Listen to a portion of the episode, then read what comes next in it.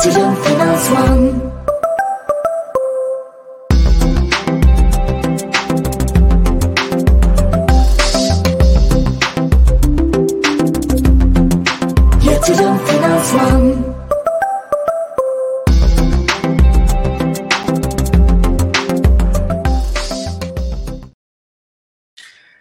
Efendim herkese iyi akşamlar, ee, selamlar, sevgiler, saygılar. Ee, sevgili Ali Ağaoğlu'yla değerli üstadımızla, büyüğümüzle birlikteyiz. Ali abi hoş geldin. Hoş bulduk Barış Esen. Nasılsın? Umarım her şey yolundadır. Sağlığım yerinde gerisi Rahman gitsin. Maşallah. Ali Ağaoğlu'yla hasbihal e, edeceğiz yine bu akşam. Ali Bey geçmiş olsun. Petrol 90 dolar iddia gitti diye takılıyorlar. Hemen Ya ya yani ucundan acık hakikaten şimdi 90 doların üzerine çıktı geri geldi ama sonuçta iddia kaybedildi. Yani burada tartışılacak bir şey yok. İddia kaybedildi. Ee, Astana'da bir kahve ısmarlamak zorundayım birisine. Çok üzücü oldu benim için tabii. Yani Astana'ya gitmek sorun. Yoksa kahve ısmarlamakta bir dert yok yani. Evet, Suudi Arabistan galiba yine bir şeyler yaptı. Kesinti yapacağım falan dedi kendi başıma. Ondan mı oldu bu iş? Yok. Ee, hem Rusya hem Suudi Arabistan el birliği ile e, var olan kesinti programlarına devam edeceklerini, yıl sonuna kadar devam edeceklerini açıkladılar. Yani ben buna e, petrol tarafından baktığımızda hemen küçük bir şey söyleyeyim. Ülkeler üstü bir manipülasyon var. Yani bunun normal piyasa koşulları içinde herkes kendi faydasına olan e, bir yaklaşımdan ziyade Suudi Arabistan dünyanın en büyük ikinci petrol üreticisi artık. Birinci değil. İkinci büyük petrol üreticisiyle üçüncü büyük petrol üreticisinin el birliğiyle petrol fiyatlarını yukarıda tutma çabaları. Şimdi bu kime yarıyor sorusunda biraz Suudi Arabistan'a yarıyor doğrudur. Ama e, her ne kadar yaptırımlar ve fiyat sınırı olsa bile Rusya'ya yarıyor. Ama en çok kime yarıyor diye sorarsan Amerika'ya yarıyor. Yani burada Amerika şu anda dünyanın en büyük petrol ve doğalgaz üreticisi haline geldi ve bu fiyatların yüksek tutulması için Suudi Arabistan'ın ve Rusya'nın gösterdiği çaba aslında onların yanı sıra diyeyim. Onlardan daha fazla değil belki ama Amerika'ya da yarıyor. Özellikle e, kayaçık petrol üreticilerine. Kim zarar görüyor dersen bizim gibi petrol tüketen ülkeler zarar görüyor. Bir de Amerikalı garibanlar diyebiliriz. Bir dönem hatırlarsın petrol fiyatları patlayınca Amerika'da galonu mu diyorsunuz? 5 dolara falan. Galon. beş- Evet. 5 dolara falan çıktı. Ee, ne dedi Biden? Ya dedi bu dedi enflasyon var ya enflasyon benzin fiyatlarından ötürü. Bunun da nedeni Rusya diye e, suçlamıştı. Putin demişti. Amerikalılar e, petrol fiyatlarına şikayetçiydi. Biz hiç şikayet etmiyoruz. Seçim öncesi biliyorsun kaç paraydı? 20 liralarda olan petrol fiyatımız, daha doğrusu benzin litre benzinimiz 40 liralara yaklaştı. Nedense seçimden sonra biz zaten golü yedik e, benzin tarafında. Birinci sırada e, Amerika değil mi? Birinci üretici. Öyle mi? En büyük üretici hem doğalgaz hem petrolü bir araya getirdiğimiz zaman en büyük üretici haline geldi. Vallahi Yani onların iki evet, çok ilginç yani orada 2007 yani kısacık ben hemen hikayesini anlatayım. 2007'deki sanıyorum Bush yönetimi sırasında bir karar aldılar ve 2017'de Amerika petrol ve enerji konusunda kendine yeterli ülke haline gelecek dediler. Ondan sonra çok hızlı bir e, özellikle kayaç petrolü ve kayaç gazı üretimine ağırlık verdiler ve gerçekten 2020 itibariyle hedef- hedeflemişlerdi yanılmıyorsam. 2017'de geldiler bu seviyeye ve işin ilginci 2017'de 1970'li yıllarda OPEC'le OPEC'in ilk kuruluşu sırasında ortaya çıkan petrol krizinden bu yana Amerika'da petrol ve doğalgaz enerji özellikle petrol ve petrol ürünlerinin ihracatı yasakken 2017 itibariyle artık serbest bırakıldı. Ve o gün bugündür de Amerika özellikle doğalgazda ki Ukrayna-Rusya savaşının da önemli e, aktörlerinden biri diyeceğim Amerika için. Tabii birçok anlamda aktörü ama özellikle bu doğalgaz tarafında önemli pazar imkanına kavuşmuş olan bir ülke haline geldi. Avrupa pazarı Amerika'nın doğalgaz üreticilerinin özellikle büyük e, tankerlerle sıvılaştırılmış gaz olarak satabilme imkanını olduğu bir pazar haline geldi. Denklem oldukça karışık diyeyim. Yani çok uzun bir hikayesi var. İstersen hasbihalin başka zamanlarında varsa sorular onların üzerine şey yaparım. E, vermeye çalışırım. Ee, tamam herkese selam ve sevgiler. Kadir Bey de ülke arası manipülasyon buğday ve doğalgazda da olabilir mi demiş. Onları da aşağıda tutmaya çalışıyorlar. da. Doğalgazda hayır her ikisine de hemen itiraz edeceğim. Şöyle, şöyle ki e, buğdayda herhangi bir ülkeler üstü manipülasyon yok. Tam tersine bizim de içinde bulunduğumuz bir tal koridoru denklemi şu anda çözülmeye çalışılıyor ki burada Rusya'nın daha önceki iki anlaşmadaki taleplerine Batı'nın çok da sıcak bakmadığı izlenimi vardı. Orada özellikle tahıl ihracatından elde edilen dolarlara el konulmaması gibi bir talebi var Rusya'nın. Sanıyorum o talep şu anda karşılık buldu. Amerikan hazinesi de bu konuda bir açıklama yaptı. Buğday tarafında evet, doğalgaz tarafında şaşıracaksınız ama e, bu işin asıl e, manipülasyon ülkeler üstü değil bu. Çünkü burada tek taraflı bir şey vardı doğalgazda. Bu 2022'deki aynen Rusya savaşındaki sıçramayı bir tarafa bırakıyorum. Çünkü o özel bir durum. Ama ondan bir öncesinde e, özellikle Henry Hub dediğimiz Amerika'daki doğalgaz fiyatlamasının yapıldığı e, kontratlarda Rusya bence bu benim kişisel görüşüm ama ben bunun arkasında oturup uğraşırsam bir şeyler çıkacağına inandığım bir savım var. O da şu e, özellikle Avrupa ve Türkiye buna ikisi de beraber daha önceden aldıkları doğalgazın fiyatı petrole endeksliydi. Onlar dediler ki Amerika'da doğalgaz çok çıkıyor. E, çıkan doğalgaz nedeniyle Amerika'daki doğalgaz fiyatları çok yükselmiyor. O yüzden biz fiyatlamada Henry Hub'ı kullanalım endeks olarak veya ana gösterge fiyatlama olarak onu kullanalım deyince Rusya tarafı Hub'ı önemli ölçüde manipülasyona kurban ettiler diye düşünüyorum. Orada 2 dolarlardan 7-8 dolarlara kadar çıktı.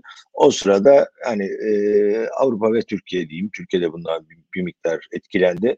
Sonuçta oraya bağlı bir fiyatlamayı yapalım mı yapmayalım mı tartışması Rusya'nın bu hareketinden sonra yani siz siz olun aklınızı başınıza toplayın dedi Rusya. Siz eski sisteme devam edin o en azından daha istikrarlı bir şey. Çünkü petrol fiyatı doğalgaz fiyatı kadar çok oynak değil. Evet oynak ama doğalgazdaki oynaklık çok daha fazla olabiliyor. Nitekim hem e, 2022 Rusya-Ukrayna savaşı sırasında hem öncesinde bu kontratlar üzerinde çok ciddi hareketler yaşandı. Onların evet. yani etkilerini hep beraber gördük diyeyim. Ama e, bunlar benim bahsettiğim petroldeki milletler üstü, ülkeler üstü manipülasyondan biraz farklı. Daha böyle lokal manipülasyonlar diyebilirim. Buğdayda yok, onu söyleyeyim. Ee, ya da olduğuna ben inanmıyorum. Doğalgazda dönem dönem oluyor ama petroldeki bambaşka. Çünkü hem OPEC hem OPEC Plus ama bu OPEC Plus'ın da iki en önemli aktörü Rusya ve Ukrayna, şey Rusya ve Suudi Arabistan bu konuda çok ciddi etki yapabiliyorlar. Ee, Suudi Arabistan 1 milyon varil, yanılmıyorsam Rusya'da 500 bin varillik üretim kısıntısına giderek fiyatın yukarıda kalmasına yardımcı oluyorlar. Ha ben burada iddiayı kaybettim. Yani üzgünüm. Yani üzgün de değilim. Yani çok da önemli değil ama bunun tabii hepimize e, toplam fatura itibariyle çok ciddi bir yan etkisi var. Evet, Türkiye olarak. Türkiye için pek iyi olmadı. Şimdi tabii bu akşam e, ne değişti ne değişmedi başlığımız e, hem Merkez Bankası hem ekonomi yönetiminde canlı yayındayız. Ali Ağoğlu'ylayız. Petrole böyle direkt kafadan girdik ama anonsumuzu tabii unutmayalım. Ne diyoruz? Efendim abone olmayı unutmayın. Yatırım Finansman YouTube kanalına 70 bin üzerine çıktık hep beraber. Bu sene hedefimiz bu sene için 100 bin. Ee, kısa bir sürede bütün değerli konuklarımla ve sizlerin desteğiyle 70 bin seviyesini aştık. İnşallah 100 bini hep birlikte karşılayacağız. Eğer yayınımızı beğeniyorsanız beğen tuşuna da basmayı unutmayın. Abone olan izleyicilerimizin sorularını ekrana yansıtabiliyorum. Ee, abone olmanın böyle bir güzel tatlı yanı da var. Ücretsiz bir şekilde zaten biliyorsunuz abone olabilirsiniz. Şimdi İbrahim Bey bu konuyu başka bir programa bırakalım. Ali Hocam Egecan senin yazı sayfalarını düşünüyor. Ali abi Ona ben cevap vermek isterim aslında hızlı bir şekilde. Çünkü buna Egecan şeyde senin değindik. Yazısına yorum Hmm. yapmayan kalmadı bir kere. Yani Ee, üzgünüm. mali. ilk ilk ilk hamlede yani ilk reaksiyon gösterenlerden biri Hakan Güday ile ben olduk geçen Perşembe Cuma Öyle mi? günkü sohbetimizde. Evet. Ee, burada e, Ege Hocam muhasebe olarak iki noktada haklı. Ama Heh, bir bunu bir noktası ne yazık ya. ki yok yazmama gerek yok. Söyleyeyim. muhasebe olarak e, muhasebe olarak e, birincisinde şöyle haklı, ikincisinde maalesef aynı haklılığı veremeyeceğim ama iki, iki noktada haklı. Şöyle ki muhasebe olarak merkez bankaları kendileri para yaratabilme erkine sahip oldukları için normal şartlarda herhangi bir şirket e, döviz pozisyonunda bir açık verdiği takdirde bir zarar yazdığında bir başka deyişle 20, 20 liradan doları sattı. Dolar 27 liraya çıktığında aradaki 7 lirayı nakit akışından veya kredi bularak karşılayıp ödemesi gerekiyor. Döviz pozisyonu zararından bahsediyorum. Bu merkez bankaları için teknik olarak geçerli değil. Çünkü merkez bankaları teknik olarak bu aradaki parayı kendi kayıtlarında muhasebe itibariyle söylüyorum yaratarak bu zararını kendi bilançolarında göstermeyebilme erkine sahipler. Tek kurumdur. Fakat bunun iki tane şeyi var. Birincisi o yarattıkları para dediğiniz şey bize enflasyon olarak geri dönüyor. Hepimizin canını yakıyor ve bu çok ciddi bir maliyettir. Tamam. Hiç tartışmayalım. Za- o, o okey. Buna kesinlikle Tamam. evet. O öncekini Evet, anlatıyor iki- ama. O da benim sorum Ama basit ben-. Ben yok, kusura hadi. Kus, yok yok kusura bakmasın. Ege hocamla da bu konuda tartışmaya hazırım. O da yani burada polemiğe girmeye gerek yapalım. yok. Şöyle bir yok yok şöyle basit bir şey söyleyeceğim. Heh. Çok basit bir şey söyleyeceğim. Ege hocamın iki, haklı olduğu ikinci nokta. Birincisinde muhasebe olarak zarar yazmayabiliyor. Yazmayabilir. Yazmaz. Çok rahat. Sorun değil. Çünkü parayı yaratabilen kurum orası. Ama ikincisinde Ege hocam bir konuda haklı ama orada da haksız. Çünkü eğer Merkez Bankası KKM'den aldığı dövizi elinde tutmuş olsaydı gerçek maliyeti, gerçekten maliyeti sıfırdı. Ama Merkez Bankası bu dövizi sattığı için 20 liradan aldı, 20 liradan sattı, 27 lira oldu kur. Kusura bakmasın orada bir zarar vardır. Bu zararı biz enflasyon olarak ödüyoruz. Nokta. Burada yani hocam şurada haksız, haksız demeyeceğim yani bu haklı haksız tartışması değil ama dövizi Merkez Bankası elinde tutmuş olsaydı değerleme zararı veya karı olmayacaktı. Etkisi sıfır olacaktı. Fakat sattığı için problem var. Sattığı için de bu zarar var ve değiştiremezsiniz bu zararı. Nokta. Hiç tartışmayalım. Uzatmayalım bu konuyu.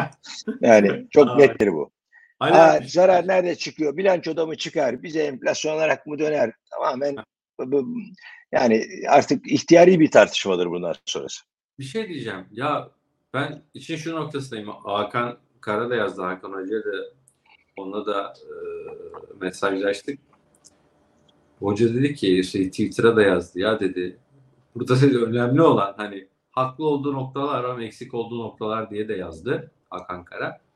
Eski Merkez Bankası'nın baş ekonomisti.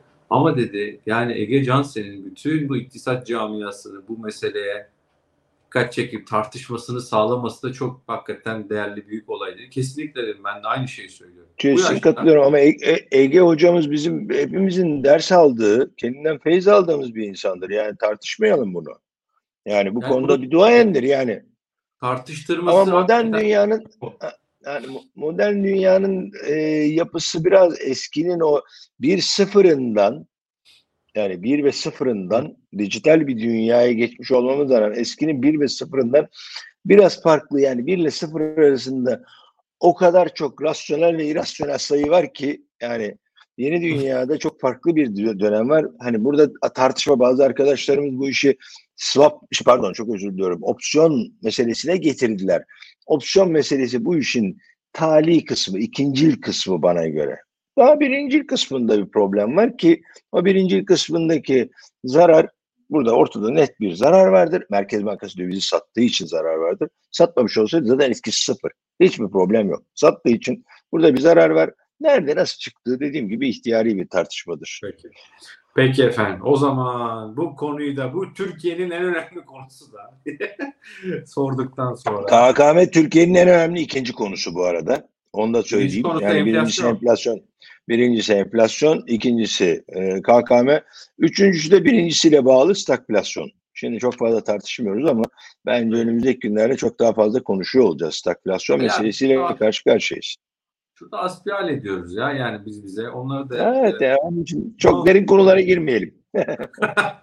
Aynen. Şimdi e, Ali Ee, abi, bir soru vardı. Ben ben hemen buyurun. yukarıda bir soru vardı. Yani petrolü Buyurun. konuşurken ee, şu petrol tükenmese de herkes rahatlasa diye bir yorum vardı. Hasan Yenigül'ün e, tükenecek yani bütün kaynaklar sonlu ama yerine yenilerini koymayı öğreniyoruz ve şu anda yenilenebilir enerji konusunda çok ciddi bir şey var. E, gelişim ve değişim var dünyada. Yavaş yavaş bir de soğuk füzyonu şey yaparsak e, başarabilirsek insanlık olarak ha- hakikaten bayağı bir yol kat edeceğiz. Petrol fiyatlarının Tüpraş ve benzeri şirketleri nasıl etkilediğine dair bir yorum vardı. Şey, şöyle bir şey söyleyeyim. E, rafineri şirketleri için söyleyeyim. Ben de yakından tanımakla müşerref olduğum bir sektör olduğu için söyleyeyim. E, petrol fiyatlarının yükselmesi teknik olarak, bakın teknik olarak söylüyorum, rafineri şirketlerini çok fazla ilgilendirmiyor. Ama lütfen bu söylediğimi teknik olarak ilgilendirmiyor diyeceğim, hemen düzelteceğim. Nedir dersen, bu bilgi genel bir genel bir bilgi olsun diye paylaşıyorum bunu. Ee, petrol fiyatının yükselmesi dönemsel olarak stok karı yazar. Tersine düşmesi de eğer hece edilmesi de her ikisinde de hece edilmediği durumdan söz ediyorum. Yani hecden kastım da şu onu da anlatacağım ama hemen ondan önce hece edilmediği durumda dönemsel olarak yükseldiğinde kar düştüğünde zarar yazar dönemsel olarak. Rafineri şirketleri için asıl olan rafineri marjıdır. Bu şu demektir. Bir varil petrolden sizin ürettiğiniz benzin, dizel, jet A1, nafta, reformat vesaire gibi bütün ürünler ki bunun içine petrokok ve diğerleri de dahil olmak üzere bir varil petrolü satın aldınız. Bu bir varil petrolün karşılığındaki eşleniği ürettiğiniz rafine edilmiş ürünleri sattığınızda bir varilden ne kadar marj elde ettiğiniz önemlidir. Rafineri şirketleri için konuşuyorum bunu. O yüzden petrolün yükselmesi ya da düş, düşmesi onları teknik olarak çok ilgilendiren bir konu değildir. Bir dönem zarar yazarlar, düş yükseldiğinde kar yazarlar. Bunlar birbirini dengelerler. Ha, gelelim hece etme meselesine. Hece ettiği takdirde hiç ilgilendirmez. Şimdi neyi ki ediyor? Petrol fiyatını mı dövizi falan mı? Neyi hedge var? burada? Petrol fiyatını ve tabii ki dövizi de. Yani ikisini bir arada hece ettiği durumda ama e, tüm heci yaptığı takdirde ama sadece petrol fiyatı olarak varsaydığımızda şöyle bir varsayımı söyleyeyim basit hedge mantığını da söyleyeyim. Ham petrolü satın aldığı rafineri aldığı anda fiyatı kesinleştiğinde o kesinleşmiş fiyattan da kontratını satıyor. Vadeli kontratı satıyor. Vadeli kontratı sattığında vadeli kontratta short fiziksel petrolde long olduğu bir pozisyonda petrol fiyatı çıkarsa eğer fizikselden kar şeyden vadeli kontrattan zarar eder. İkisi birbirini kapatır sıfır etkisi vardır.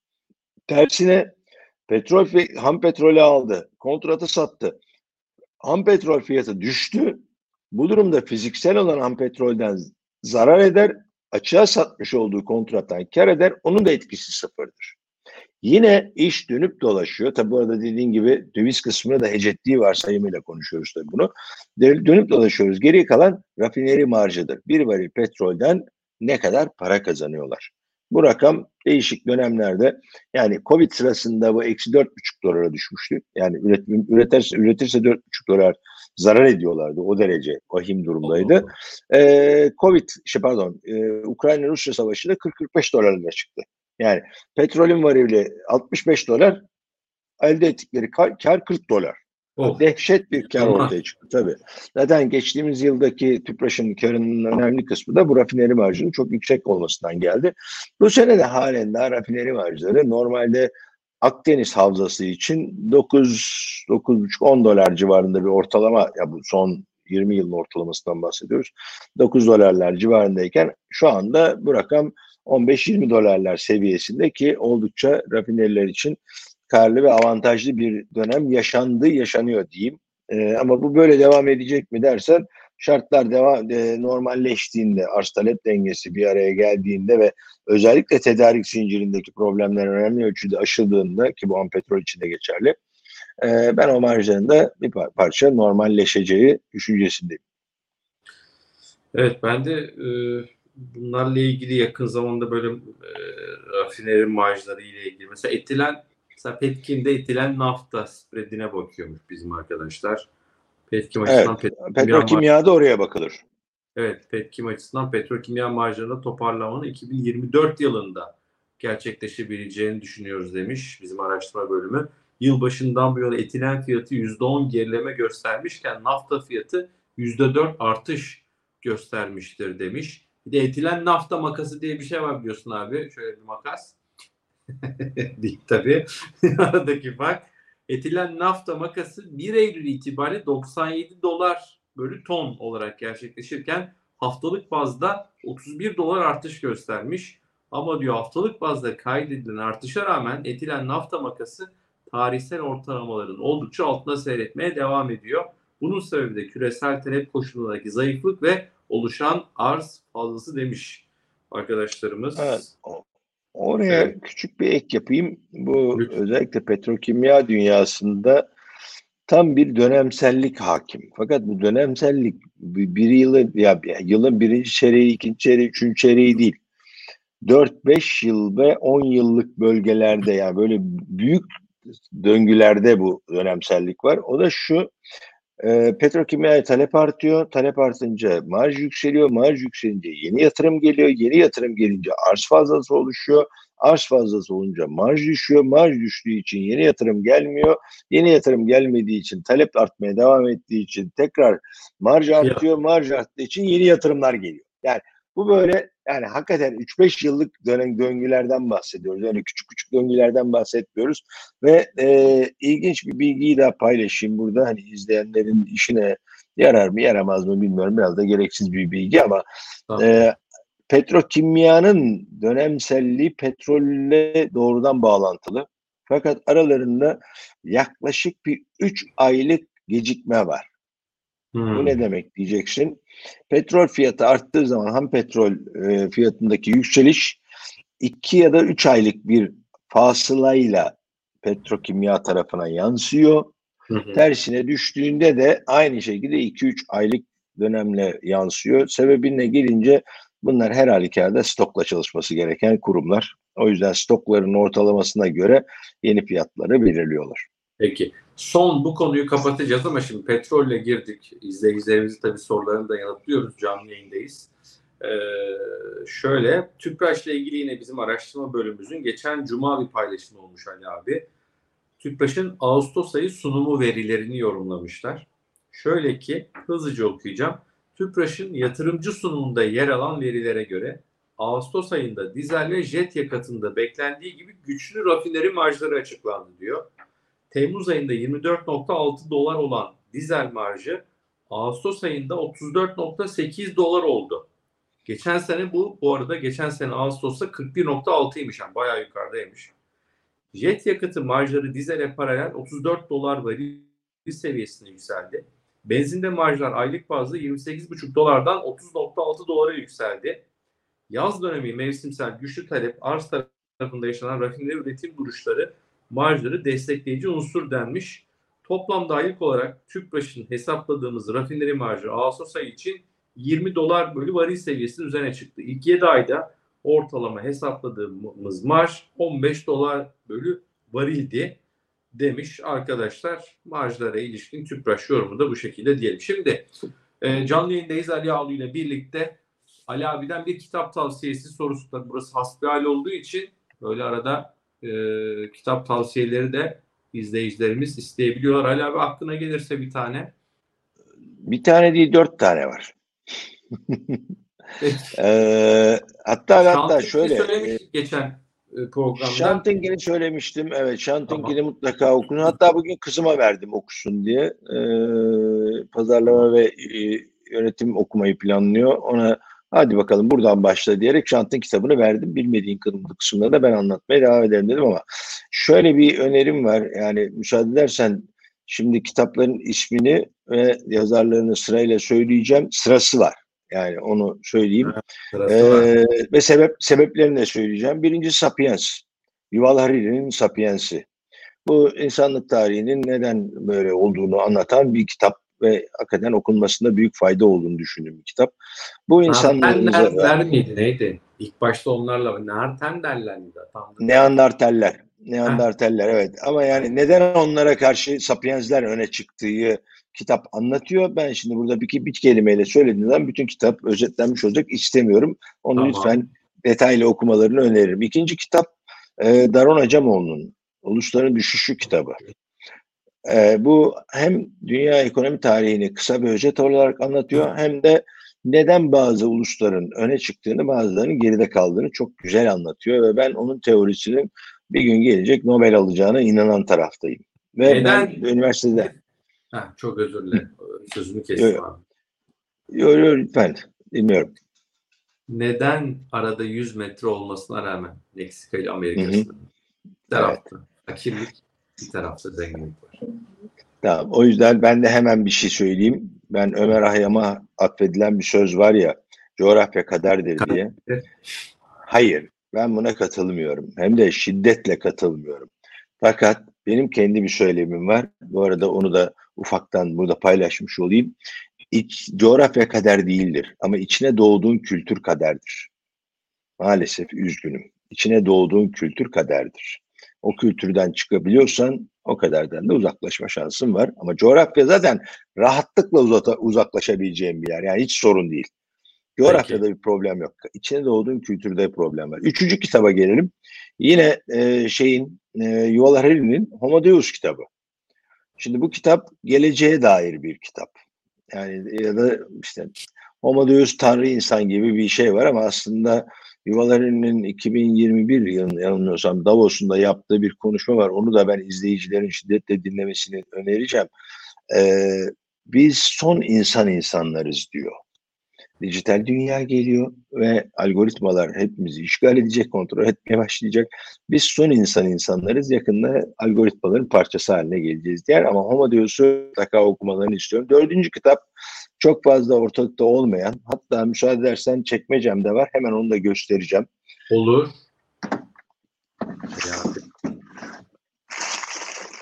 Ender Bey Onu da. Ee, evet, onu da yani e, Şant'ın kitabı gibi Peter Frase Kapitalizmden sonra dört gelecek diye bir kitap. Şu kadar Evet, evet. incecik bir kitap. Bak şu kadar incecik bir kitap. Yalnız izleyicilerden çok rica ediyorum bunları bu sırayla okumalarında fayda var. Yani Yuval Harari Sapiens, Ulusların Düşüşü, Daron Acemoğlu, eee, James Robinson beraber yazdıkları bir kitap. Üçüncü kitap yine Homo Deus, e, Yuval Harari'nin kitabı. Dördüncü kitap Peter Frase Kapitalizmden sonra dört gelecek diye bir kitap. Bu kitapları ben özellikle gençlere çok ciddi olarak tavsiye ediyorum ama bu sırayla okumalarını tavsiye ediyorum. Çünkü bunların hepsinin ben, bana göre bir beşinci kitap daha var ama çok e, gerekmiyor. Çok uza, gerek, e, uzatmaya gerek yok. Bunlar birbirini takip eden, kendi içinde belli bir tutarlılığı olan ve özellikle dört gelecekte bugün o kapitalizmden sonra dört geleceğin bir buçuğunu yaşıyoruz. Yani bir buçuğunu yaşıyoruz, dördün bir buçuğunu yaşıyoruz ama bunu bölük bölçük değişik şeylerde senaryo. Dört senaryo var. Dört senaryo. Bir buçuğunu yani buçuk buçuk yani bir ve buçuk veya buçuk buçuk buçuk şeklinde üç ayrı senaryoyu yaşıyoruz. Yani çok Hı hı. ilginç bir döneme geliyoruz. Özellikle gençlerin kendilerini neyin beklediğine dair az çok bir fikirleri olması açısından e, ipucu olarak vereyim. Çayı demledim gümüş diyen Levent Torun Bey var. Ona geleceğim. En sevdiğim konu gümüş ya benim. Yani herhalde piyasanın delisi. Bir Merkez Evet, Bankası esas- gelelim. Oraya bir gelelim. Çünkü orası önemli. Sadece Merkez Bankası değil aslında ekonomi yönetimi olarak bir bakalım ona bence. Tamam tamam. Şimdi başlı, başlığımız şeydi yani eee başlığımız ne değişti ne değişmeli idi. Evet, yani ekonomi değişti, ne yönetimiyle veya Merkez Bankası ile ne değişti ne değişmeli. Şimdi bir kere üç politika, para politikası kurulu üyesi değişti. Bence çok önemli bir hamledir. Tartışmayalım. Merkez Bankası Başkanı değişti tabii. Ekonomi yönetimi değişti. Ama para politikası kurulu üyelerinin üçü değişti. Eee beş Boğaziçi'li var artık orada. Eee kendim de bir Boğaziçi'li olarak bundan gurur duyuyorum. Ve Umuyorum ve diliyorum ki icraatlarıyla da e, Boğaziçi Üniversitesi'ne e, halal getirmeyeceklerdir. En azından böyle bir temennim var. Bu birinci değişiklik yani e, bir kan değişimi var. Bu iyi bir haber. İkinci değişiklik e, başkanın, yeni başkanın e, Hafize Gaye Erkan'ın e, enflasyon tahminlerini gerçeğe yaklaştırması oldu. Nedir gerçeği? 20'li rakamlar yaşanırken 80 enflasyonla uğraşmıyoruz. Gene 80 enflasyona gidiyoruz belki ama işte 58 de gidiyoruz. Yani 58 ve 33 Ya de daha yeni 2023 ve 59 oldu 24'de. Ali abi. Ben buna itiraz ediyorum. Ne, Bence ne- gerçekçi neye itiraz ediyorsun? Gerçekçi, Gerçekçi değil. 20, 22'de mi tutsaydık peki Barış? Hayır o değil. Ama şu an 59'du. Sene sonu 58 dedi. Daha bir ay mı geçti Merkez Bank? İki ay mı? Ha bir dakika şimdi baz etkisi vesairesiyle ilgili olarak da yani bir bekleyelim. Şimdi beklemeden öte şöyle söyleyeyim. Yani Sene 22'de sonu tutsaydı bu 70 iş olmayacaktı. Kabul anlaşırız. Yani 22'de tutsaydı bu iş olmazdı. Anlaşalım. Yani 22'de tutsaydı 70 olsaydı bir sene ya da 2022'de bunu yaşadık. Bir de 2023'te yaşadık. Ondan sonra kimse kimseye inanmazdı yani. Orada önemli bir şey oldu. Ee, bence önemli bir adımdır bu. Pozitif bir şeyden bahsediyorum. Negatiflikler eleştirilecek noktaları var mı? Var tabii. Yani ben mesela yani daha gelir gelmez para politikası kurulu üyelerinin derhal değişmesi gerektiğini veya değişmiyorsa da halen daha iki tane yet- üye boşta orada. Halen daha iki Hala üye boş. boşta. Hala Hala boş. Şimdi geldiği gün iki tane yeni üye atardım ondan sonra yola devam ederdim. Sonra değiştirirdim diye düşünüyorum. Yani onun için yapılması gerekenler ne değişmeli sorusunun da yanıtlarını da aslında bu arada vermiş oluyorum. Yani ne değişmeliydi? Önce oradan başlayalım. İki para politikası kurulu üyesi atanmalıydı. Sonra üçü değişir mi? Değiştirirsiniz, değiştirmezsiniz. O da ayrı bir politik kararı. Onu bilemiyorum. Ee, enflasyon tahminlerinin güncellenmesi. Bunlar pozitif şeyler, işaretler. Bunlar iyi. Bana göre pozitif şeyler. Ee, gelelim şeye, e, enflasyon verilerine. Şimdi Enflasyon Hiç verileri de ettin. mi değişti? sen hiç dikkat ettin mi son 3 aydır enflasyon verilerinin İTO, TÜİK ve piyasa beklentileri hatta ve hatta ENAK. Birbirine yakınlaştı farkında mısın? Valla son açıklanan veri Ağustos ayı verisinde en agın üstünde açıkladı TÜİK. Çok Teşekkür şaşırdım. ediyorum. Bak gel bak bu çok çok çok çok önemli bir değişiklik. Yani ne değiştiği de baktığında bence pozitif yönde e, daha doğrusu pozitif yönde demeyeyim düzeltmem lazım kendimi. Olması Hayır gerekiyor. kardeşim birisi ha birisi doğruyu anlatıyor. Yani şimdi birisi doğruyu anlatmaya başladı diye düşünüyorum. Çünkü daha önceden masal anlatıyorlar diye düşünüyorum. Hani bir de Daha ben dediğin seçim öncesi. Seçim öncesi olsa gene iyi. İki yıldır bu masal devam ediyor. Şimdi Hakan Günay'la biz bu sohbetleri yaptığımız için, bununla kayıtları olduğu için biliyorum. Benim en sevdiğim örnek pirinç örneği. Pirinçte normalde pirinç en güzel örnek pirinç örneği. Hani bir şey var, ayakkabıda da böyle şeyler var, örnekler var vesaire ama pirinç örneği güzel bir örnek. O da şöyle. Normalde işte Osmancık pirinci, bilmem ne, basmati var, işte baldo var, o var, bu var. Biz hani ha, bu bunların beş ayrı marketten üç değişik tipte pirinçten fiyat aldığınız takdirde makul bir pirinç fiyatı ortaya çıkıyor değil mi? Yani. Şey ne yaptı? TÜİK ne yaptı? A bunları e, bu işte A101, BİM gibi iskonto piyasalı marketlerinden fiyat aldı. Bir. İkincisi de kırık pirinci ki en fiyatı en düşük olan pirinç. Kırık pirinci pirinç fiyatı olarak açıkladı. E şimdi siz bu enflasyon oranına güvenebilir misiniz? Değil ki fiyatı yönendi, yönetilen ve yönlendirilen ürünler vardı. Onları da saymayalım. Hiç gerek yok. O polemiğe girmeye gerek yok Ya. şu aşamada ama daha gerçeğe yakın enflasyon rakamlarıyla karşı karşıya kalmaya başladı. Gerçeğe yakın diyorum. Eskiden hiç kimse bu enflasyon rakamlarına güvenmiyordu. Şimdi az çok, az çok dediğim topu topu 3 ay ha. Yani çok da uzun bir zaman değil. Ben 3 aydır izliyorum. Ha bir ekleme ilgili. daha yapayım. Hı, sen söyle. Lafını unutma Ali abi. Pirinçle ilgili bir itiraz. Ya pirinci, kırık pirinç de alsa, taş da alsa, taş olsun. Kırık bizim hesapladığımız şey enflasyon fiyat artış hızı. Kırık pirincin dahi olsa diğer pirinçlerin kaliteli bir lafı kırık pirincin de fiyatının yukarı gitmesi lazım. Velen ki kırık pirinç alsın. Fiyat yukarıya gittiğinde onu görmemiz lazım. Onu tek sanki göremedik. Üründen, Ee, ürün kalitesinden peki. ziyade.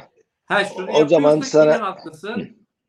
Baldo ile başlayıp bir sonraki ay işte basmati, bir sonraki ay e, Türk artık Türk basmati sonra en premium bu arada. Ha, En pahalısı basmati basmati, pahalı olan, yani. şey olan, Hı. kilo yapmayan biliyoruz. Bizde yetiştirilmiyor evet. Ee, Kurla birlikte o da artıyor ama şöyle bir şey söyleyeyim. Ha, yani buyur. dediğim doğru. Kırık pirinci de hep kırık pirinç, kırık pirinç, Ha. kırık pirinç, kırık pirinç, kırık pirinç diye alsan da arttığını görmen lazım. Doğru. Ama dediğin gibi işte Baldo ve Osmancık veya bilmem ne diye aşağı indirdiğin zaman onu kalitesini aşağı indirip pirinç adı altında bunu kaydettiğin takdirde zaten fiyat düşmüş oluyor. Sen de onu bir şekilde yönetiyorsun. Ama daha basitini söyleyeyim. Bu Hakan Güldağ'ın bana veren, ve şey paylaştığı bir bilgiydi o enflasyon tartışmaları sırasında. Bir tane ayakkabı var. Bir ayakkabı var. O ayakkabının fiyatı en enflasyona dahil ediliyor. O ayakkabı üreticisine özel olarak rica ediliyor ki o ayakkabı fiyatı o ay değiştirilmiyor. 999 tane diğer ayakkabının fiyatı artarken. Şimdi bu bu gerçeği yansıtmayan bir durumdu diyeyim. Yani bu zaten bildiğimiz, konuştuğumuz bir şeydi. Şimdi şimdi diyorum ya yani hani ne değişti sorusunun yarattığı buradan böyle hani biraz da iyimser bir bakış açısıyla buradan pozitif değişiklikler var. Yok değil. Ne değişmeli sorusunun yanıtına gelirsek eğer A enflasyon verisindeki enflasyon sepetindeki e, kalemlerin fiyatlarının açıklanması gibi bir şeffaflığa gidilmesi gerek. Aslında şeffaflık gerekiyor. Öyle söyleyeyim. Ne değişmelinin sorusunun altında yatan en önemli şey şeffaflık, dürüstlük ve gerçeğe yakınlık. Gerçek aslında gerçeğe yakınlık değil. Gerçeğin kendisinin paylaşılması gerekiyor. Merkez değişmesi gereken en temel. KKM hani diyoruz ya maliyet artışı. Çok kadar güzel. Biliyor muyuz? Ya çok güzel. Bak yavaş yavaş çıkacak ortaya. Ama A, ben çıkarım, enflasyondan başlayalım. çok özür dilerim abi. Ben Merkez Bankası çıkamıyorsa çıkarım sıfır maliyet derim ya. Şimdi Ege Hoca dövizden dönüşüme dedi. Yazdı yazısı ona ilişkili. Ben dövizden dönüşüme de sıfır maliyet derim. TL'den dönüşüme de sıfır maliyet. Ortada bir veri yok ki. Var mı elimizde bir veri? İnsanlar Kes- bulmaya çalışıyor. Bak diyor şurası. Aynen öyle bulmaya çalışıyoruz. Evet. Aynen aynen dediğin doğru yani yok swaplardaki değişimi yok işte iç borçlardaki de net e, uluslararası rezervlerdeki değişim deyip deyip çok meşakkatli yollar izliyoruz. Ne gerek var? Bir bilelim. Bir malı bilelim. Elimizde ne var ne yok. E, Sorun nerede? Onları şey yapalım. Bilelim. Yani ondan sonra e, daha rahat hareket ederiz. Ne değişmelinin? İlki bu. Üç, ikincisi ya politika faizinde 750 bas puan gibi majör bir hareket yaptılar ama bunu 2024 enflasyonu dahi hedeflemeyen evet ama yetmez tarzda bir artış ama bir evvelki o enflasyon beklentilerindeki iyileştirme veya gerçeğe yakın yakınsama aynı şekilde enflasyon verisinin gerçeğe yakınsaması gibi bunun da yani politika faizinin de gerçeğe yakınsaması lazım. İş gören faizle tabela faizi arasındaki fark kapanmalı. Nokta. Yani tabela faizi nedir dersen bugün 40-45 arasında. Pardon iş gören faiz 40-45 arasında. Tabela faiz 22,5. Yani olmuyor. Yani bunun olur olması gerekeni var. E bunun tabii döviz kurlarına tarafı var. Yani şimdi bu faiz hesaplaşması Yani olmadığı döviz sürece mi? döviz de Döviz değişti kuruna teknik. müdahale değişti mi? Ha değişmedi. Ne değişmesi gerekiyorsun Dolar içine yerinde belki gene.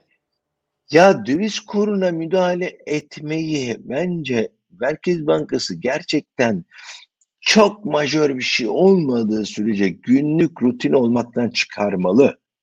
Döviz kuruna müdahale etmek değil, faizi ekle zaten dövizde, yatırımda, öngörülebilirlikte. Yani ikinci el araba fiyatıyla birinci el araba fiyatı arasındaki fark da ortaktaki oto, motosiklet kazalarının azalması bile o faiz ekle ile bağlantılı bir şey. Çok şaşırtıcı bir durum ama Dana geçen sohbette de anlatmıştım. Motosiklet fiyatları, şey motosiklet e, hani ev alamayan borsaya gitti. Borsaya gidemeyen araba aldı. Araba alamayan motosiklet aldı. Motosiklet aldığını dediğinde motosiklet şeytan makinesidir. Ben motosiklet kullanan birisi olarak söylüyorum. Şeytan makinesidir. iyi, hakikaten bilmeyen ve iyi eğitim almamış olanlar için çok ciddi tehlike içerir. Ve nitekim motosiklet kazaları çok artmış durumda yani. Şimdi bunun faizin yekle saklaşmasıyla ne alakası var diye sorsanız otur uzun uzun anlatırım ama doğrudan alakası var. Yani hiç sormayayım kimseyi. Çok doğrudan alakası var. O yüzden hani bu faiz ekle saklaşması ne değişmeli? Faiz ekle saklara doğru gidilmeli. Çok tartışılacak bir şey yok ortada Buna bence. müdahale bitmeli. Evet şeffaf olmalı. Mesela OMP gelecek yarın. Ben şu ana kadar? A hiçbir şey. Abi nasıl hiçbir şey? Deniyor ki bu OVP, OVP başka. Bu OVP önümüzdeki 3 yılın efendim e, Bak elim böyle kaldı anlatacağım. Yabancılar OVP'yi bekliyor diyeni duydum ben. Yani yabancılar herhalde bu ülkeyi tanımıyorlar diyeceğim. O bekleyen yabancılar bu ülkeyi tanımıyor. Neden? Yani çok basit 2-3 tane şey söyleyeceğim. 2023 hedefleri vardı Türkiye'nin. 500 milyar dolar ithalat, şey ihracat 10. 10. E, büyük ekonomi arasına girecektik. Çok özür dilerim. Yani A OVP, B teşvikler. Bu ikisi çok majör. Ee, hangi programın performansı ölçülüp raporu verilmiştir bu ülkede? Ben son 20 yılda değil 30 yılda hatırlamıyorum böyle bir şeyi. Yani sadece bu AK Parti hükümetini de suçlamak gibi değil. Gelen devlet geleneği gibi bir şey herhalde bu ya da politikacı geleneği diyeyim. Daha doğrusu devlet geleneği demeyeyim. Politikacı geleneği. Yani müthiş hedefler koyuyorsunuz. 500 milyar dolar ihracat yapacaksınız. Buyurun nerede 500 milyar dolar? 2023 bitiyor son 4 ayındayız. Yaklaşık Nerede 500 yarısı. milyar dolar? Nerede? Yani birisi bunu söylesin. Bu bir. Değişmeli. Ne değişmeli? Bu da değişmeli ama daha da temelinde baktığınızda OVP'den ne bekliyorsun sorusunda ben uygulanabilir bir OVP bekliyorum. Bir. İki, OVP'nin veya herhangi bir programın ve herhangi bir teşviğin bir performans ölçümünün raporlanmış olmasını bekliyorum. Üç ay sonra, altı ay sonra, bir yıl sonra. Ha, bir yerde bekliyorum bunu. Yani ne değişmeli sorusunun yanıtının temelinde de bu yatıyor. Hesap verilebilirlik. Ben seninle sohbetlerde dikkat edersen ne gün ne söylediğimi hatırlayıp kayda geçiyorum ve bugün de sohbeti yaparken bugün 5 Tem- e, Eylül saat 20.45'teyiz kayda geçiyorum. Ben o gün ne söylemiştimi bana birisi sorsun sorduğunda ben ne dediğimin hesabını verebileyim diye.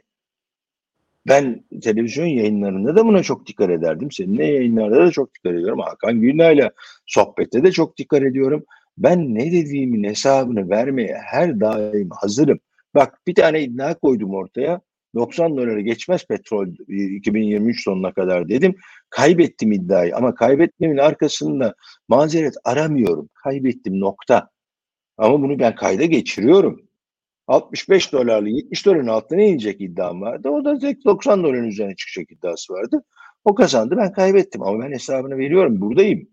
İşte herkesin bunu yapabilmesini istiyorum. Ya bu- bunu özellikle bu OVP gibi büyük büyük programlar açıklayan Şimdi ben şeyi de çok iyi biliyorum. 2023 hedefini açıklayan tim başkanının dönemindeki e, bu işin nasıl hazırlandığını da biliyorum. O 500 milyar rakamının nereden çıktığını da çok iyi biliyorum. Yani şans eseri biliyorum.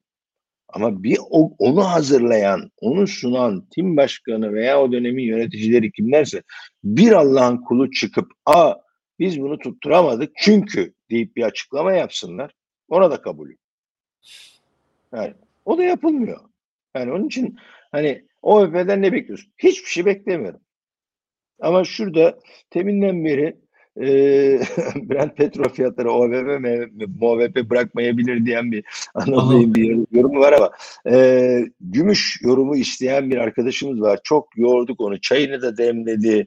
Çayı bitti, soğudu. Bayağı yani gümüş kısmında şey var ama bu e, Merkez Bankası ve ekonomi yönetimiyle ilgili sanıyorum. Ne değişti kısmında bence pozitif değişiklikler var. Ne değişmeli kısmında özellikle şeffaf konuda, şeffaflık konusunda, hesap verilebilirlik konusunda gerçekten kendilerine kredibilite ekleyebilmeleri için bile bunu yapmaları lazım. Peki Ali Evet. abi. E, kısa hızlı hızlı kısa soru cevap birkaç tane Hadi yapalım. gümüşü lütfen unutmayalım. Ben de gümüşe bakacağım bu arada. Bana hatırlatırsan onu yanıt vereceğim ona.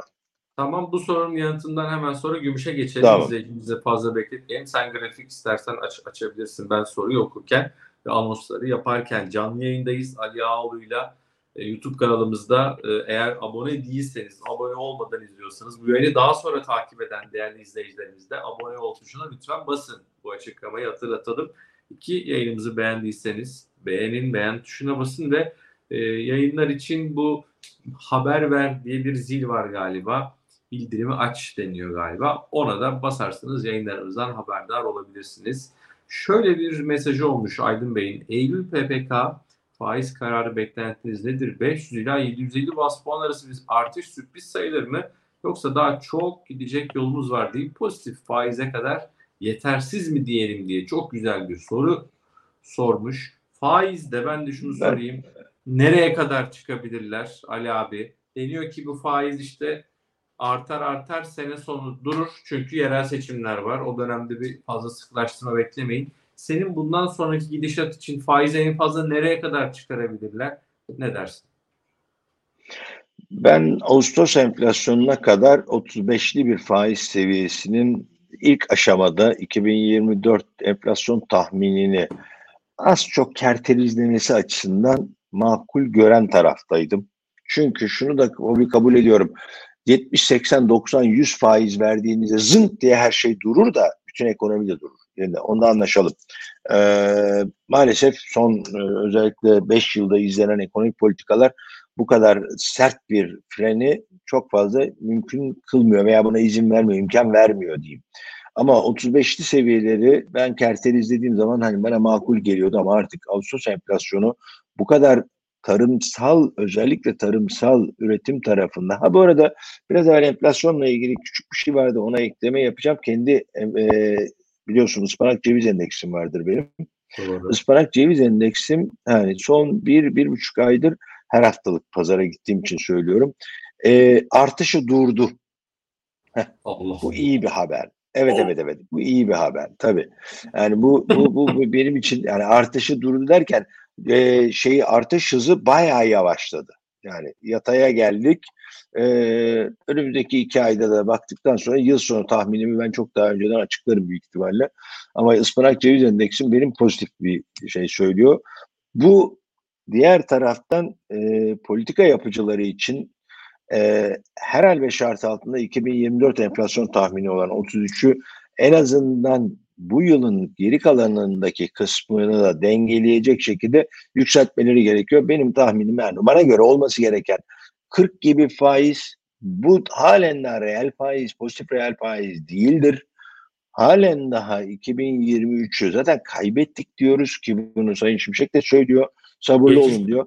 Ben de di- pardon Geçiş dönemi diyor bu dönem. geçiş dönemi ama bakın anlaşalım. Bu geçiş dönemi dediğiniz şeyin hepsinin paranın zaman değerinden dolayı bir bize bedeli var. Bu geçiş dönemini çok uzatmamak gerekiyor. O yüzden de bu faiz artışı 500-750 değil. 1250 bas puan olmalı bana göre. Yani veya hani bilemedin ben 1250 bas puan dedin 35'e getiriyor minimum. Yani 35 1250'nin üzerinde olması lazım. Anlamlı bir yere gelmemiz lazım. Net bir şey söylememiz lazım piyasalara mesaj vermemiz lazım. Fiyatlama davranışlarındaki bozukluğu düzeltmemiz lazım. Neyin pahalı, neyin ucuz olduğunu artık bir şekilde ölçebilmemiz lazım. Ölçemiyoruz. Yani bunun yapmadığımız sürece ben geçici dediğim veya işte de- geçiş dönemi dediğinde dengeli faiz artışı, dengeli politikalar. Ya dengeyi 40'a getirin faizi ondan sonra iki, artı eksi 2-3 puanlarda Ha, ben- dengeyi bulursunuz yani. Şunu anlamıyorum. Merkez Bankası Başkanımız kademeli dedi. Kademeli işte. Dengeli dediğim kademeli aslında özür diliyorum. Yok Kademeli. yok kademe ben kademeliden 100 150 250 hadi diyelim. Hadi ona da. E, 700 kademeli deyip 750 yapmak da bana garip geldi.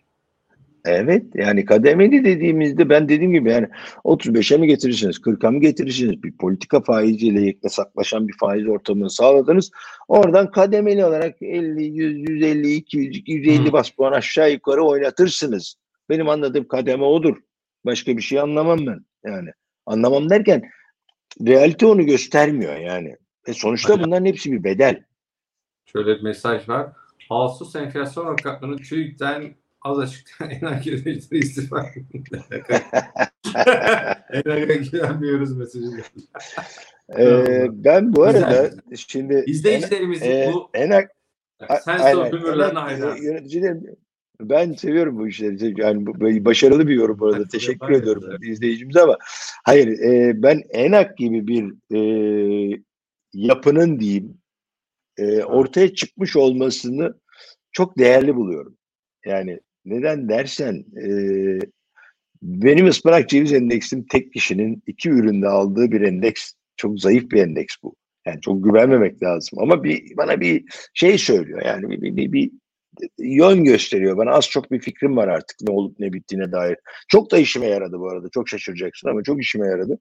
Ee, fakat ENAK gibi bir kurumun bir alternatif bir ona dava açılıyor. Ya kardeşim siz neden rakamlarınıza güvenip de bizim rakamlarım bu durum deyip siz karşına gelin. Siz ne açıklarsanız açıklayın beni ilgilendirmiyor diyemiyorsunuz TÜİK olarak. Ben Ali bunu çok anlamıyorum yani. Galatasaray Hı. Galatasaray bizim benim takımım bir e, sponsorluk sözleşmesinin duyurusunda, kapa duyurusunda kamuoyu aydınlatma platformu dedi ki TÜİK enflasyonu ve ENAK enflasyonun ortalaması gibi bir ifade kullanıldı. Sonra öğleden sonra o açıklama gitti düzeltme diye oradaki ENAK uçtu. Şimdi resmi sözleşmelere bu zamanında girdi. Bunları gördük. Ama şu mesaj da çok güzel değil mi İbrahim? Kesinlikle katılıyorum. İmzamı atarım. Herkes halinden memnunken enflasyon nasıl düşecek diyor. İhracatçı memnun mu? Memnun. Turizmci memnun mu? Memnun. Sanayici memnun mu? Memnun. Bankalar memnun mu? Hatta halk demiş. Esnafı da katalım buna.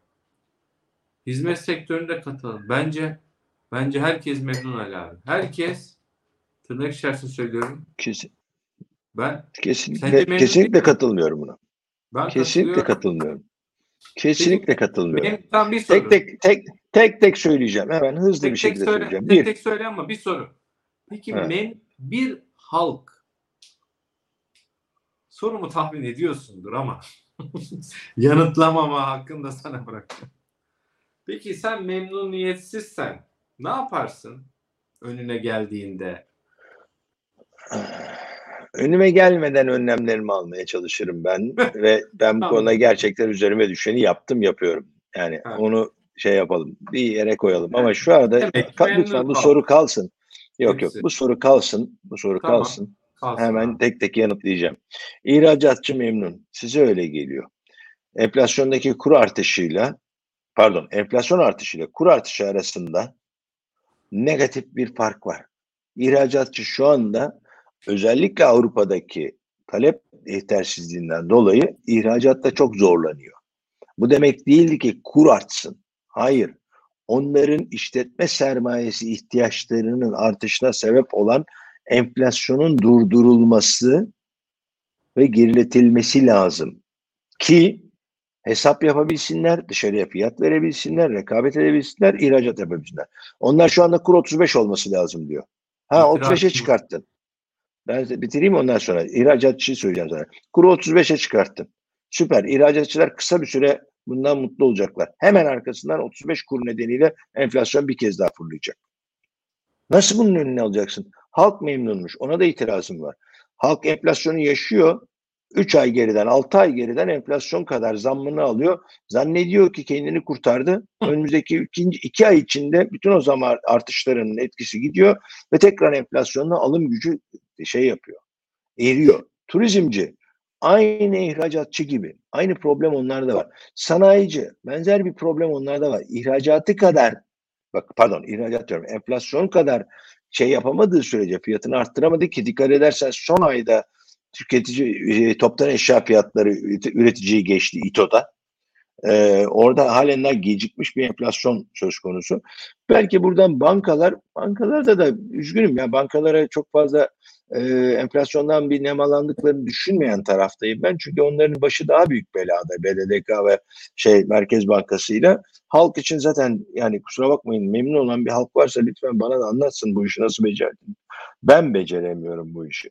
Ben çünkü tasarruflarıma enflasyon kadar getiri alamamışken alım gücümün her geçen gün düştüğü bir ortamda lütfen benim enflasyondan memnun olmam için bana bir Allah'ın kulu bir tek sebep söylesin. Tek bir sebep istiyorum. Enflasyon senin için şu kadar iyi. Ha bu sayılanların içinde ihracatçı, turizmci, sanayici, bankalar ve halk arasında bir tek bak bir tek bir tek taraf bu işten fayda sağlıyor.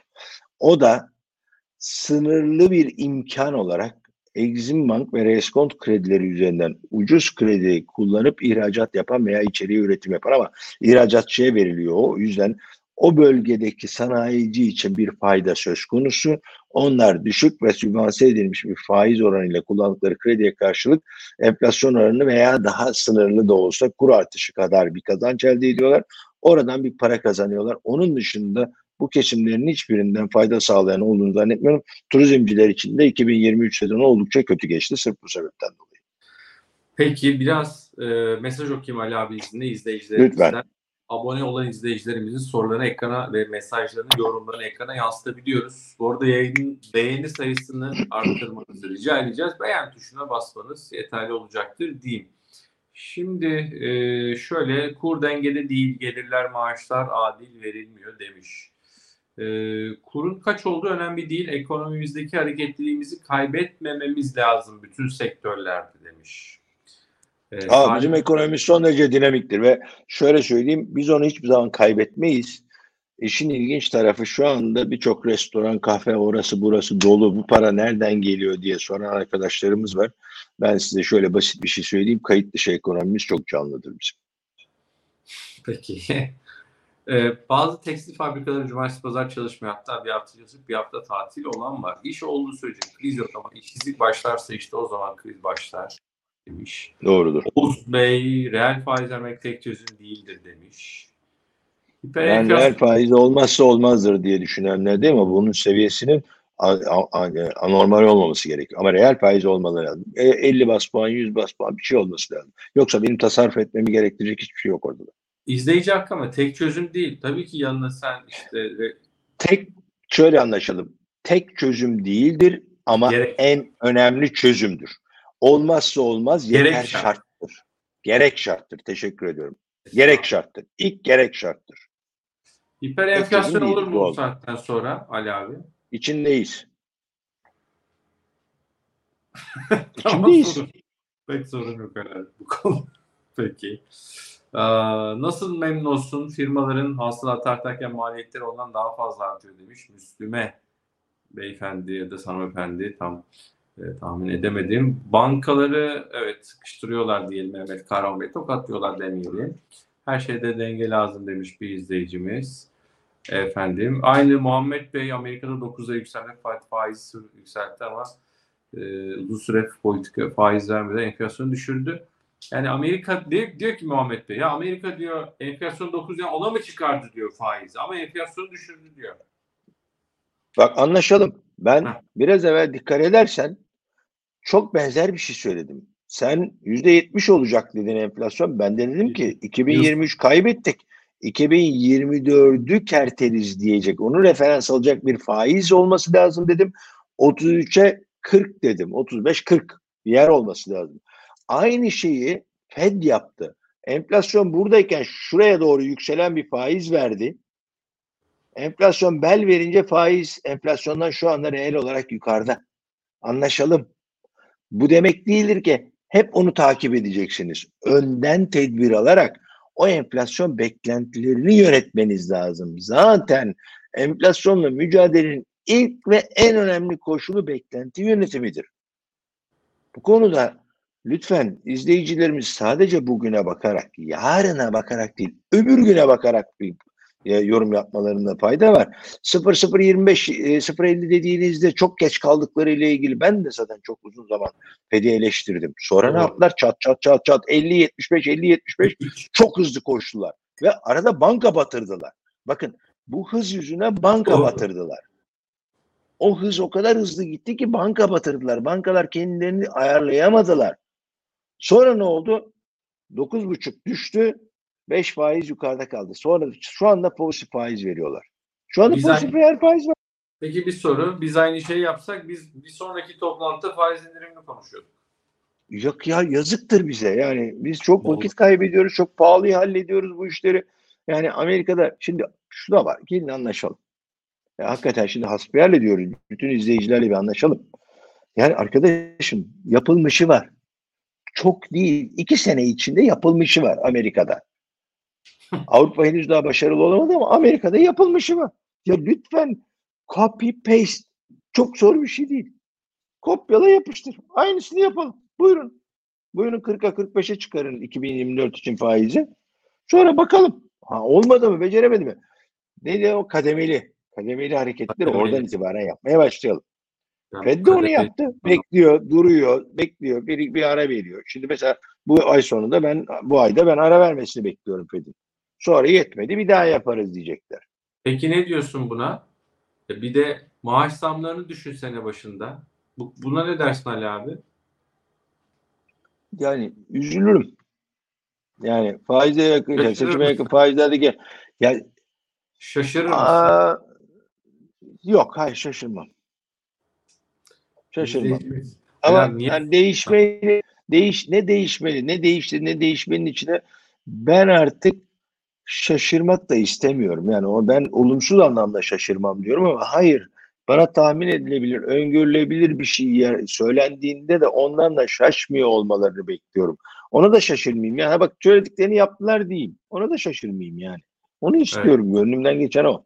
Muhammed Bey stagflasyon riskini Ali abi birkaç programda dile getiriyor. Başka bir programda daha uzun konuşuruz diye tahmin ediyorum. Ali abi benim birkaç sorum var. Şimdi e, OVP'nin sence borsa ve dövize etkisi olur mu? Borsa ve döviz için beklentin nedir? Ya şöyle ben OVP'den yapısal bir şeyler bekliyorum doğrusunu istersen. Borsayı yakından ilgilendiren veya döviz tarafında bir rakam çıkacak orada. Yani bu hesapların yapıldığı bir kur seviyesi çıkar oradan. Onu biz bir kertel izlemeye çalışırız ama şu andaki kur seviyelerinden çok uzakta bir yerde çıkacağını düşünmüyorum. Buna karşılık şunu da biliyorum.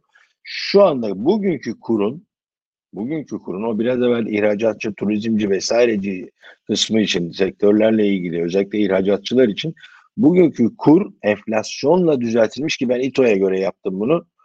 30'lu rakamların ortalarında. Yani dileyen isteyen bu hesabı yapabilir. İTO'nun enflasyonuyla Amerikan enflasyonunu birbirinden arındırdığınızdan sizin karşınıza bir rakam çıkıyor. Burada telaffuz etmeyi çok istemiyorum ama 30'lu rakamların ortalarında bir yer çıkıyor. Şimdi böyle bir yerin çok gerisinde bir OEP kur rakamı çıkarsa ben OEP'yi de çok gerçekçi bulmayacağım. Ama borsaya nasıl etkili eder dersen borsaya herhangi bir etkisini ben beklemiyorum. Kur tarafına bir etkisini onu da beklemiyorum. Ne bekliyorum OEP'den dersen ben reel faiz veya politika faiz tarafında değil ama büyümeyle enflasyonun hangisinin önceliklendirildiğine dair bir ipucu bekliyorum. Yine büyümeyi önceliklendirecek olur isek o zaman enflasyon gene geri planda kalacak. O zaman bizim hayatımız önümüzdeki bir değil, üç yıl boyunca çok daha azap verici olacak. Bu arada iki tane iyi haber var. Yani onu da söyleyeyim. Yani birincisi IMF ile bir genişletilmiş bir görüşme yapılması ama esas Dünya Bankası'ndan bugün gelen bir haber 18 milyar dolarlık bir e, destek paketi gelecek e, şeyi var. Kerim, Şimdi- Kerim Karakaya Bloomberg'den Evet, Kerim.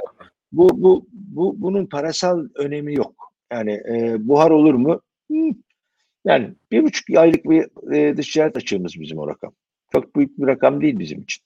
Ama onun moral etkisi ve bu arada daha da önemli olanı şeffaflık açısından önemli. Çünkü Dünya Bankası, IMF gibi kurumlar bu paraları verdiklerinde e, buyurun baba istediğiniz gibi rahat rahat harcayın diye vermezler. Mutlaka bir denetim mekanizması ortaya konulur. Onların da hem amaçlarına ki benim teşviklerle ilgili hep söylediğim ve ısrarla değişmesi gerektiği dediğim konu odur. Ölçülebilir ve verdiğiniz teşviğin amaca hizmet edip etmediğinin görülmüş olmasını beklerim. Veya ben onu hayal ediyorum, istiyorum. Yıllardır da talep ediyorum bunu. Ee, benzer şekilde Dünya Bankası öyle yapmayacak. Çok net nereye verecek, niçin verecek, Proje. performansını ölçecek, Proje, proje bazlı verecek ve şey. Ee, yanılmıyorsam e, Adıyaman'daki bir e, bina depremde hiç zarar görmedi. Camları bile kırılmadı. Hmm. Ee, ve yine yanılmıyorsam ya Dünya Bankası ya Avrupa Kalkınma Bankası tarafından finanse edilmiş bir kültür merkeziydi. Onlar müteahhitlerin derli toplu denetledikleri için o bina yıkılmadı. Yoksa maliyet açısından çok çok büyük bir fark yarattığını zannetmiyorum. Evet. Benzer şekilde depremle ilgili bir destek gelecekse ki bence Dünya Bankası'ndan gelecek olan deprem destekli olacak. Bu sefer bence onlar da bu deprem gerekliliklerini şey yapacaktır. E, mutlaka kontrol edeceklerdir. Evet. Bir Evet, de izleyicimiz Aydın Bey'in dediği doğrudur. Bir de Ali abi e, Adıyaman diye hatırlatmış Uğur Bey. E, bütün bu arada deprem değersini kaybeden vatandaşlarımıza almış olalım bir kez daha rahmet. Bir kez daha başsağlığı ve rahmet Yani dileyelim. çok çabuk unutuyoruz ama çok büyük bir acıydı. Büyük Çok acı bir, çok çok büyük bir acıyı çok acı, çok çabuk unutuyoruz. Yani üzülüyorum araya seçim girdiği için bayağı bir şey yaptık. Ee, Yani ben- Hızlı atladık ama çok haksızlık oldu. Ee, Elazığ ve Hatay'a gittim ben deprem sonrası. Hatay zaten yani inanılmazdı anlat. Kelimelerle tarif edilemezdi. Çok zor. Hala da burada insanlar orada konteyner ve çadırlarda muhtemelen yaşıyorlar. Bunu da unutuyoruz. Şimdi e, bir de benim çok ilginç bir görüntü vardı abi. Çevresindeki bütün evler yıkılmış. E, inşaat mühendisleri odasıydı yanlış hatırlamıyorsam. Kapıda bir tabela vardı. Sapasağlam duruyor. Camı bile çatlamamış. İşte hakkını bilimin verirsen, çalışmanın Hiç. hakkını verirsen, çalmazsan, çırpmazsan. Ya Japonya'da 7-8 deprem oluyor. E, kuleler sallanıyor, yerinde duruyor. Yani e, tabii ki felaket ama bizim çıkarmamız gereken ders diyoruz ya ama hep maalesef aynı noktanın başına E, ama. Barış şimdi depremde bunu yaşıyoruz. Enflasyon çok mu farklı? Yok. Ya enflasyon çok mu farklı? Yani enflasyon şimdi depremi biz, doğal afet olarak görüyoruz. Ben de enflasyonu sosyal felaket olarak görüyorum. Şimdi bunun da bilimsel kanıtlanmış bilinen çözümleri var. Ve çok zor çözümler değil ve Türkiye bunu iki defa denedi başardı.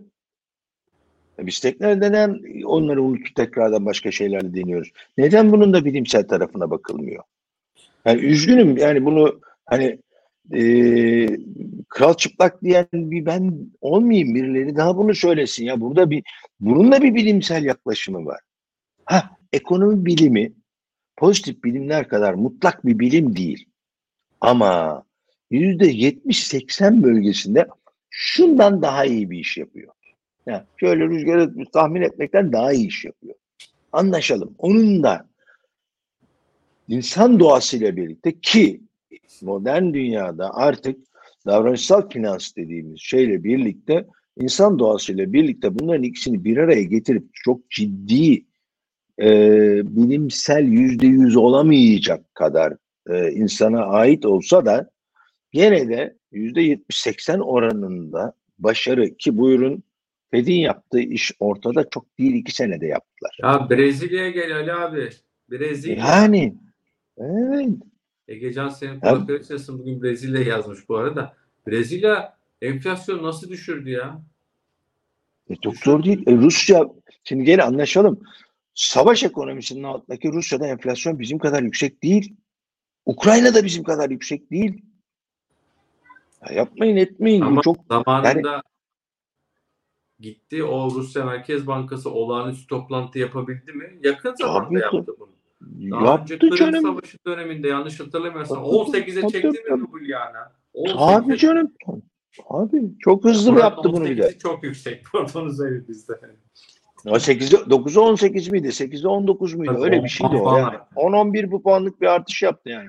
Ali abi not back yani sen pozitif şeyleri saydın. Ne değişti derken aynı zamanda. Bu cuma sanırım Fitch gelecek. Bir Türkiye'nin kredi notunda artış bekliyor musun? Olur mu? Olursa ne olur? Nasıl etkisi olur piyasaya? Ee, olmasını beklemiyorum. A, iki sebepten dolayı. Sadece e, görünüm değişikliği olursa olur. Not artışına daha çok var.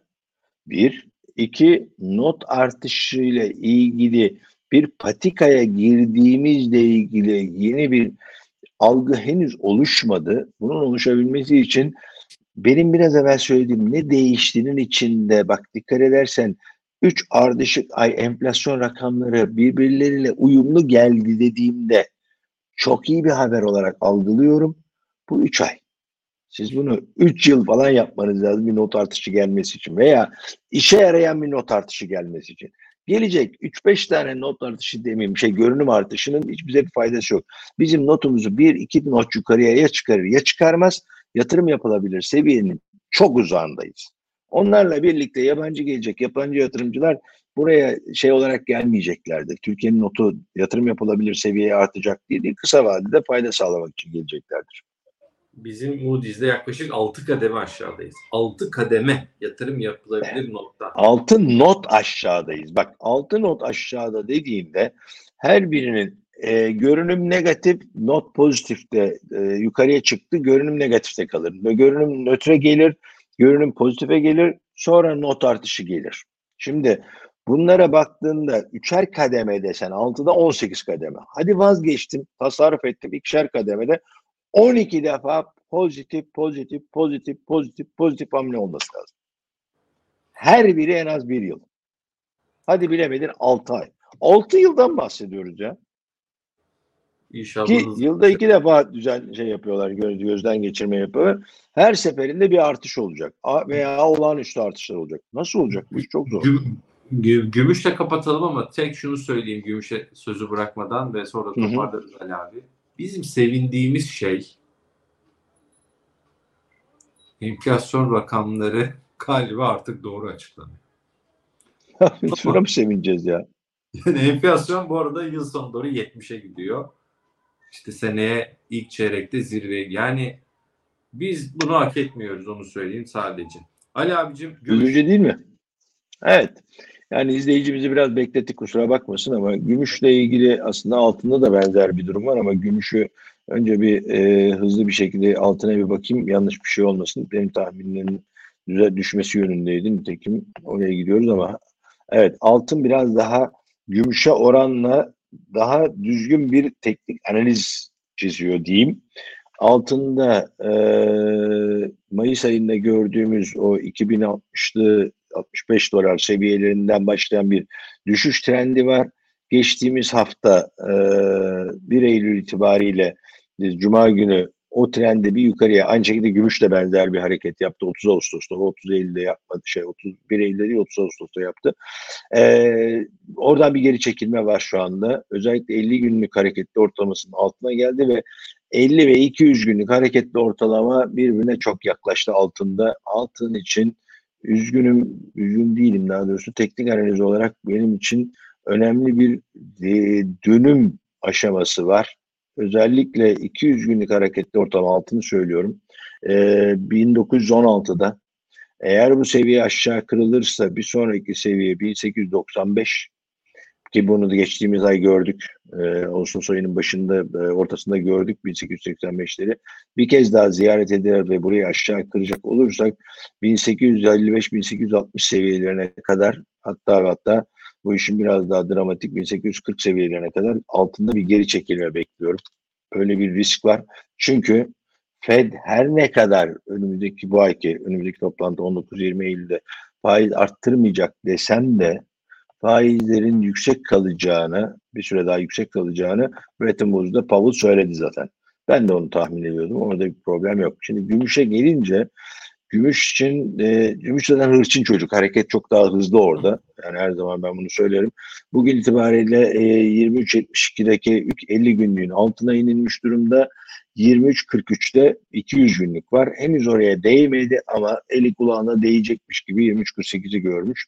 Şimdi buradan itibaren gümüşün bir önceki düşükleri önce 22 kaç böylesi 22-11 bir sonraki de e, 15 Ağustos'ta 22-22. Bunların büyük ihtimalle 22-70 gibi bir seviyelere kadar ben gümüşün geleceğini bekliyorum. Ama gümüş için daha büyük bir resimde bir şey söyleyeyim. Özellikle 22-25'in altında 22-22 akıllarda çok kolay daha kalır bu. 22-22'nin altına bir gümüş sarkması olur ise 20 dolarlara kadar bile düşebilecek bir hareket bizi bekliyor. Bunun önündeki engel ne? Fed ben tamam arkadaşlar faizi artık arttırmıyorum. Şimdi ne zaman düşüreceğime bakacağım diyen bir söyleme başladığı andan itibaren hem altın hem gümüşte enflasyonun kaybettirdiği e, kayıpların bir kısmını geri alacak hamleler gelecek. Gümüş için de yukarıda 25-25 diyeyim. 25-25'in üzerine çıkmadan majör bir hareket başlamış diyemeyeceğiz. Gümüş için bayağı bir uzun konuştum galiba. Peki. Ali abicim e, çok teşekkür ederiz. Biz yayını tabii 15 günde bir yapıyoruz. Bayağıdır yoktunuz diyenler var. Yokluğun dolayısıyla hissediliyor. Bunu söyleyeyim. E, Çok sağ olsun izleyicilerimiz. Eylül'de biraz daha beraberiz galiba. Ekim'de sen bir izin galiba. Ekim'de daha rahat olacağız. E, gümüşe 100 dolar diyenler varmış. Buradaki izleyicilerimizden hemen gümüşle ilgili söylediklerimi düzeltmeme izin ver. Çok önemli bir şey söyleyeceğim. Önemli de şurada. Ben zamansız konuşmayı sevmem. Hmm. Ve zamansız konuşulduğunda gümüş 100 dolar olur da benim torunlarımın torunlarımı görür. Yoksa e, işte beşinci kuşak mı görür onu bilmiyorum. Ama benim bahsettiğim 22 22 şey 20 22 22 aşağıda 25 25 yukarıda dediklerim bunun önümüzdeki 5-6 ay içindeki bir süreden bahsediyorum ben. Yani aşağı 6 aylık bir süreden bahsediyorum. 100 dolar olur mu sorusuna bana bir zaman verirlerse hemen bir opsiyon yazmaya hazırım. Yani önümüzdeki işte 2 yıl, 3 yıl, 5 yıl e, Maliyeti benim hani ahir ömrümü olmaz mı? Ben Merkez Bankası mıyım? Peki. Ali abicim çok teşekkür ederim. Ben teşekkür ediyorum. İzleyenlere de teşekkür ederim buradan. Fena bir orta saha değilim galiba. pas, pasör anlattın. Nasıl anlamadım. Fena bir orta saha oyuncusu değilim galiba. Aradan görüyorum. Sen Yok yok iyiydi iyiydi. Evet, Ama ben de gördüğün gibi 90'a çakmayı son dakikada başardım yani. peki çok teşekkür ederim Ali abicim. Ağzına ben sağlık. teşekkür ediyorum. Ee, Görüşmek üzere. Herkese sağlıkla diyelim. İzleyenlere, dinleyenlere çok teşekkür ediyoruz. Güzel bir akşam olsun. Ismarladık. Yatırım Finansman